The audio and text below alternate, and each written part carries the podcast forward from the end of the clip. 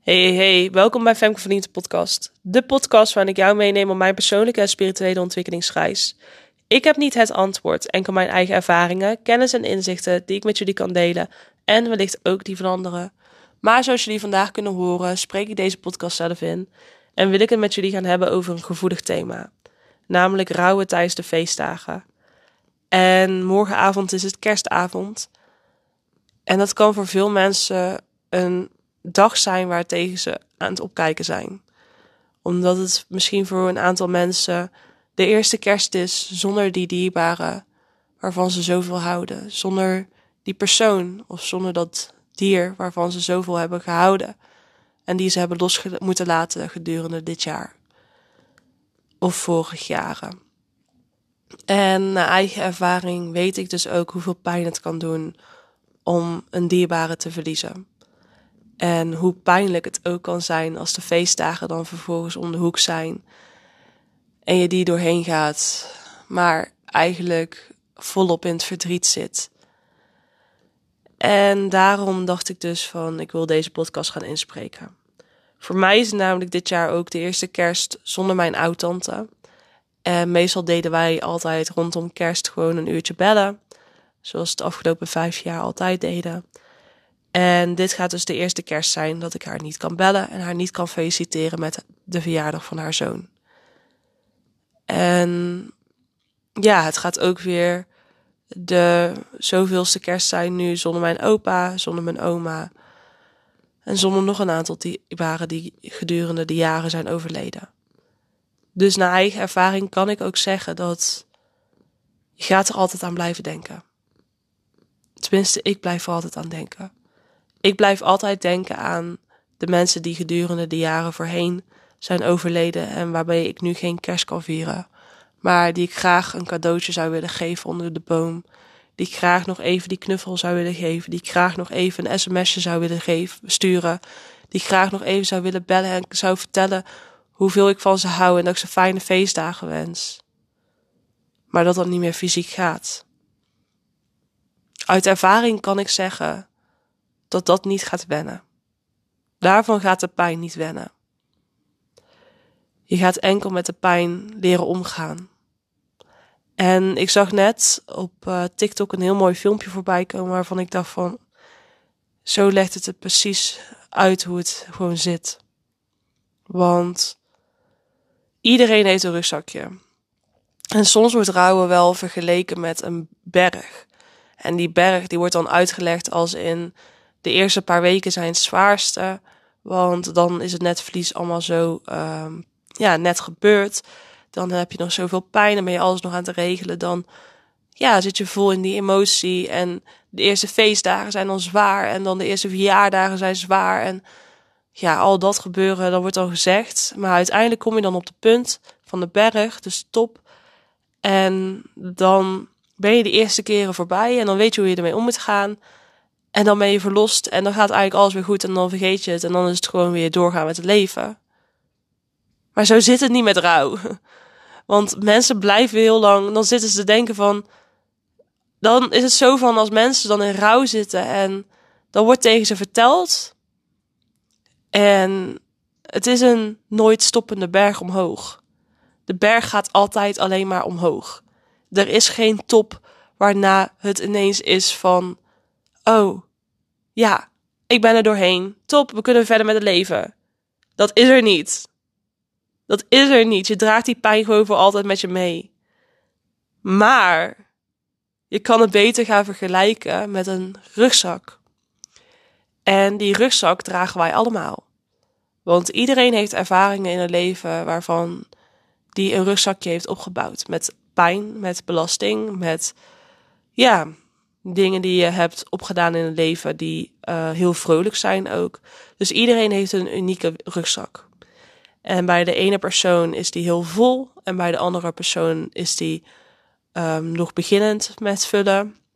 En dat is allemaal oké. En we kunnen elkaars rugzak niet gaan vergelijken met elkaar. Maar als je aan het rouwen bent, bijvoorbeeld mijn eerste rouw, um, ja, ik ben nu 22 en ik heb al 23 dierbaren verloren. Mijn eerste rouw was toen ik drie was, of tweeënhalf was, voor mijn oma. Mijn oma kwam toen te overlijden. En hoe ik het toen nog totaal niet door had als kind, heeft dat pas op latere leeftijd bij mij gigantisch veel meegespeeld dat ik geen oma meer had. En heeft die rouw toen pas in werking, of is die rouw toen pas in werking gezet. En ben ik toen pas door een rouwproces gegaan, terwijl ze al jaren dood was. En we hebben gewoon allemaal een rugzakje. En met die rugzak leren wij omgaan gedurende het leven, want die rugzak gaan we niet af kunnen doen. De rouw draag je met je mee, de ervaringen draag je met je mee, maar ze maken je wie je bent. En door ermee om te leren gaan, gaat het rugzakje wel op zo'n moment soms voelen alsof het er niet meer is, omdat jij um, genoeg gewichten hebt getraind, zeg maar, om het te kunnen dragen. Dus dat is in combinatie met je gezondheid, je mentale gezondheid, je fysieke gezondheid, alles bij elkaar.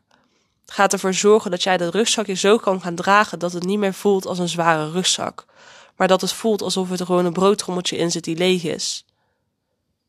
En dat is dan niet omdat je de pijn ontkent. Dat is dan omdat je hebt leren omgaan met de pijn.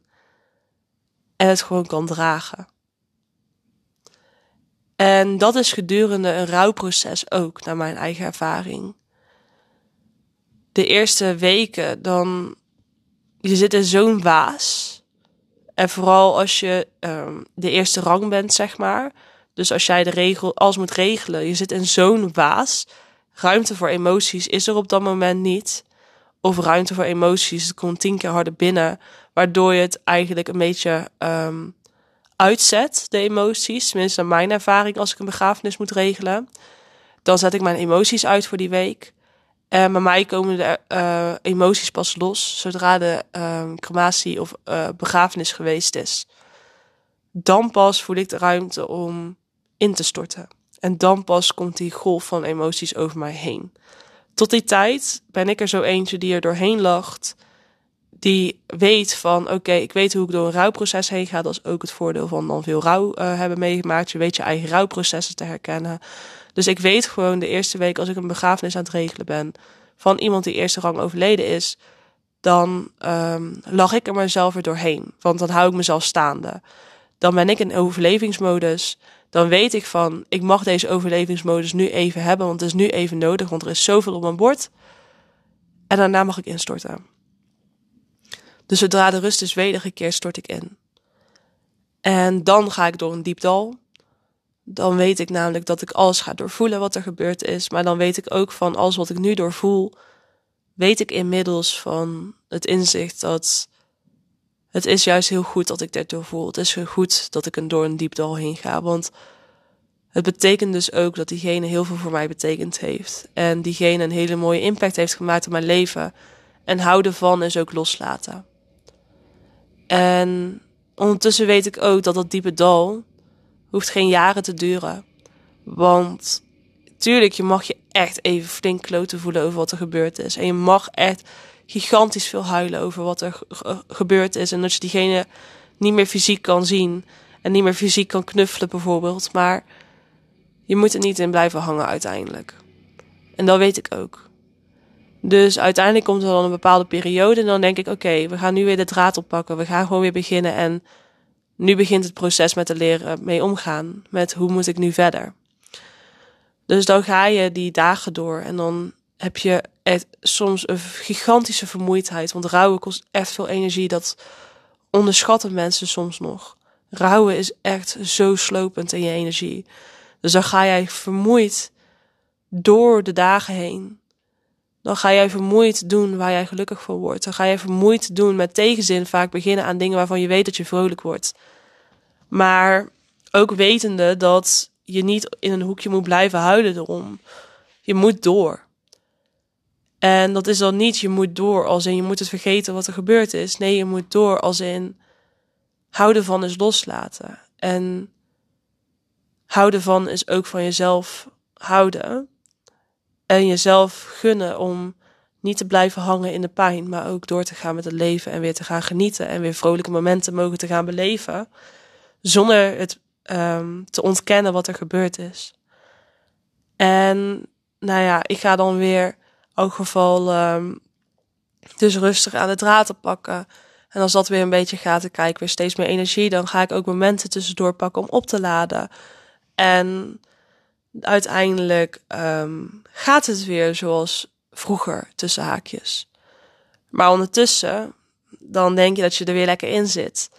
En dan komt er weer zo'n dag als kerst. Of dan komt er weer een dag als de verjaardag van die dierbare langs. Of je eigen verjaardag. Of een verjaardag van iemand waarvan je veel houdt, waar diegene ook altijd bij was. Of weet ik veel wat voor dagen het allemaal zijn. Die komen dan even langs. Of gewoon het moment dat je op de bank zit en denkt van, oh, ik wil diegene even bellen. En denkt, oh nee, dat gaat niet meer. En dan zit je weer volop in dat verdriet. Of dan voel je die pijn weer even. En dat is oké.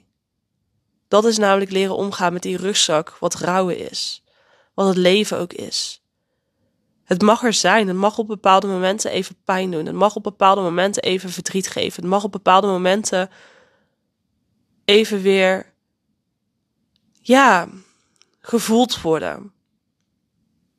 En dan op dat soort momenten dat je die pijn weer voelt. Bijvoorbeeld niet met kerst. Ik wil zo graag die dierbaren van mij bellen.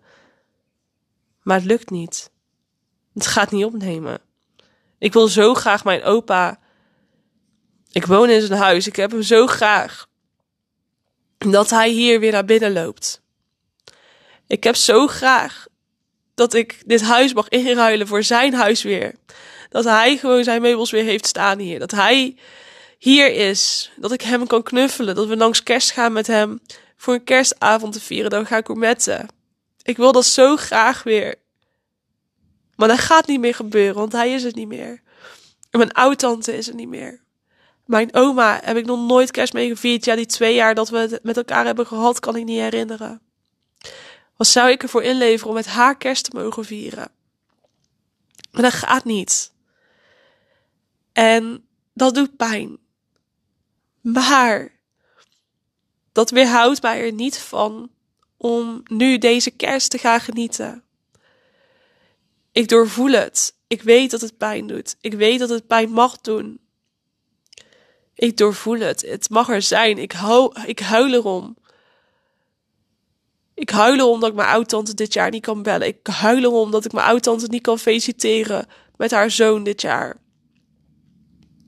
Maar ik weet ook dat, ja, ik wel gewoon mag gaan genieten van kerst dit jaar. Dat ik niet in dat verdriet hoef te hangen. Want loslaten is houden van. En niet alleen wij hebben iemand losgelaten. Ook die dierbare heeft ons losgelaten. En die dierbare heeft ons losgelaten met de gedachte van door te gaan met ons leven. Die dierbare heeft ons ook losgelaten vanuit liefde. Die dierbare heeft ook hopelijk gedacht van als ik overlijd, dan gaan die mensen door met gelukkig worden. Dan gaan die mensen door met het leven leven zoals hun dat zelf willen. Zoals hun gewoon willen leven. Dan gaan ze niet blijven hangen in het verdriet om mij. Dan gaan ze gewoon mij trots maken en mij laten zien hoeveel mooi ze leven heeft. Want het is het niet waard om ervaringen te mis, mis te lopen, omdat je je schuldig voelt misschien tegenover diegene die overleden is. Dat is het niet waard. Diegene wil juist dat we mooie ervaringen opdoen in het leven. Diegene wil juist dat we herinneringen opdoen. Diegene wil juist dat we een rijk en vol leven leven. En op ons einde van ons leven ook kunnen terugkijken met hoeveel moois we hebben doorgemaakt. En daarbij hoef je ze niet te vergeten in die processen ernaartoe hoef je ze niet te vergeten. Want je gaat ze niet vergeten. Ze hebben iets voor je betekend. Maar je mag ze meenemen erin. Je mag soms denken van, oh, dit is een trots momentje wat ik heb meegemaakt. Ik wil het graag nu hierover hebben met jou. Maar dan kan je ze niet meer bellen. Maar je kan wel aan ze denken. En dat is genoeg. Dat is genoeg. Je mag gewoon verder gaan met het leven. Je mag ervan genieten. Je mag genieten van dat etentje wat je gaat hebben met kerstavond. Je mag genieten van eerste en tweede kerstdag. Je mag genieten van nieuwjaar. Je mag genieten van elke dag van het jaar. Je mag gewoon altijd blijven genieten van het leven, maar ook als het pijn doet. Alle ervaringen in het leven maken het leven het leven. Alle ervaringen in het leven zorgen ervoor dat wij uiteindelijk kunnen terugkijken op ons leven met allemaal herinneringen. Met ons eigen geschreven boek, waarin wij de hoofdrol hebben gespeeld. En waarin we ook kunnen zien wat voor impact we hebben gemaakt op de levens van anderen. En laat je dus niet inhouden omdat er iemand overleden is. Om te genieten van het leven. Ik denk ook heel vaak op momenten dat um, ik ergens tegenop kijk bijvoorbeeld en denk van, oh, maar was diegene er maar bij geweest? Dan zou ik denken van, wat zou diegene mij nu gegund hebben? Zou diegene mij nou gegund hebben om er niet van te genieten, omdat ik me schuldig voel dat ik er ben en diegene niet? Nee. Diegene zou mij gegund hebben om ervan volop te genieten. En met in gedachten diegene meenemend, alsnog door te gaan met ervan te genieten. En het los te laten dat het pijn doet op dat moment. Dus de pijn doorvoelen en los te laten. En die liefde voelen die ik voor diegene had. En dat is ook met kerst. Soms doet het nog pijn. En dan voel je het even. En verdriet mag er zijn, want verdriet is ook houden van. Verdriet is ook op een hele rare manier soms de gezelligheid ervaren in het leven. Want heel eerlijk, als je met elkaar gaat bijvoorbeeld praten over, praat er ook over dat je diegene mist. Praat erover met jou, jouw dierbaren. Praat erover met mensen. Of ze ze nou hebben gekend of niet. Praat erover.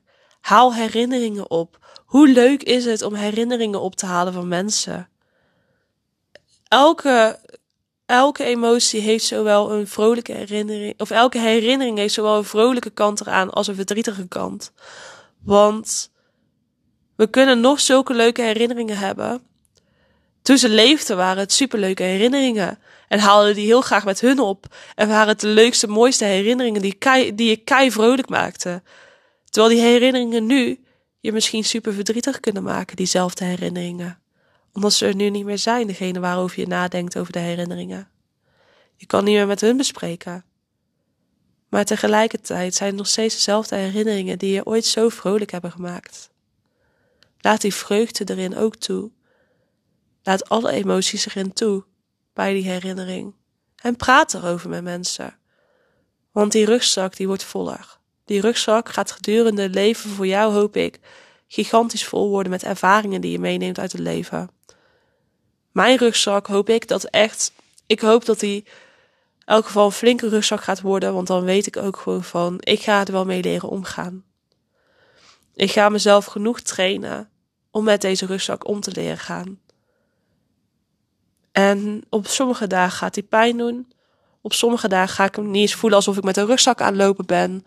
Op sommige dagen voelt het alsof ik met een brugpieper ben die nog een grote rugzak heeft dan die zelf groot is. En op sommige dagen is de rugzak zo licht als een veertje. Het is net hoe je jezelf traint. Want sommige mensen kunnen een rugzak van 80 kilo heel makkelijk dragen. En sommigen een rugzak van 80 kilo helemaal niet. Het is net hoe je ermee leert omgaan. Dus door erover te praten, train je jezelf, train je je brein. Door ook gewoon fysiek gezond te zijn, train je jezelf. Maar ook als je fysiek niet gezond bent. Ik heb ook jaren gekend waarin ik niet gezond was. En ik ook heel veel rouw had. Dan kan je ook er nog steeds over praten. En daarin denk ik dus ook, ben ik er ook van overtuigd dat mentale gezondheid het belangrijkste is. En dat is nogal een tricky uitspraak, want fysieke gezondheid is natuurlijk ook heel belangrijk. Maar um, uiteindelijk begint alles in je gedachten met hoe jij in het leven staat. En heb ik dus ervaren dat toen ik uh, in bed lag, doordat ik gewoon een gigantische heftige blessure had, dat de manier alsnog hoe ik over mezelf dacht, hetgeen was wat mij de dagen doorheen sleepte of niet. En daarin denk ik dus ook de rugzak die we allemaal hebben, is een mentale rustzak vaak.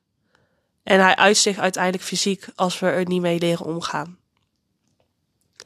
En daarom ook praat erover en leer ermee omgaan. Ga, de, ga met mensen praten zoals je dierbare. Ga praten met een therapeut. Ik weet het niet. Maar ga het ook van niet opkroppen, want je bent niet alleen in dit soort processen. En de feestdagen, geniet ervan. Echt, want hun zouden ook willen dat jij ervan geniet. Ja. Ik um, hoop een beetje dat deze podcast wellicht iemand steun heeft gegeven in deze dagen. En um, laat het me even weten als je er iets aan hebt gehad.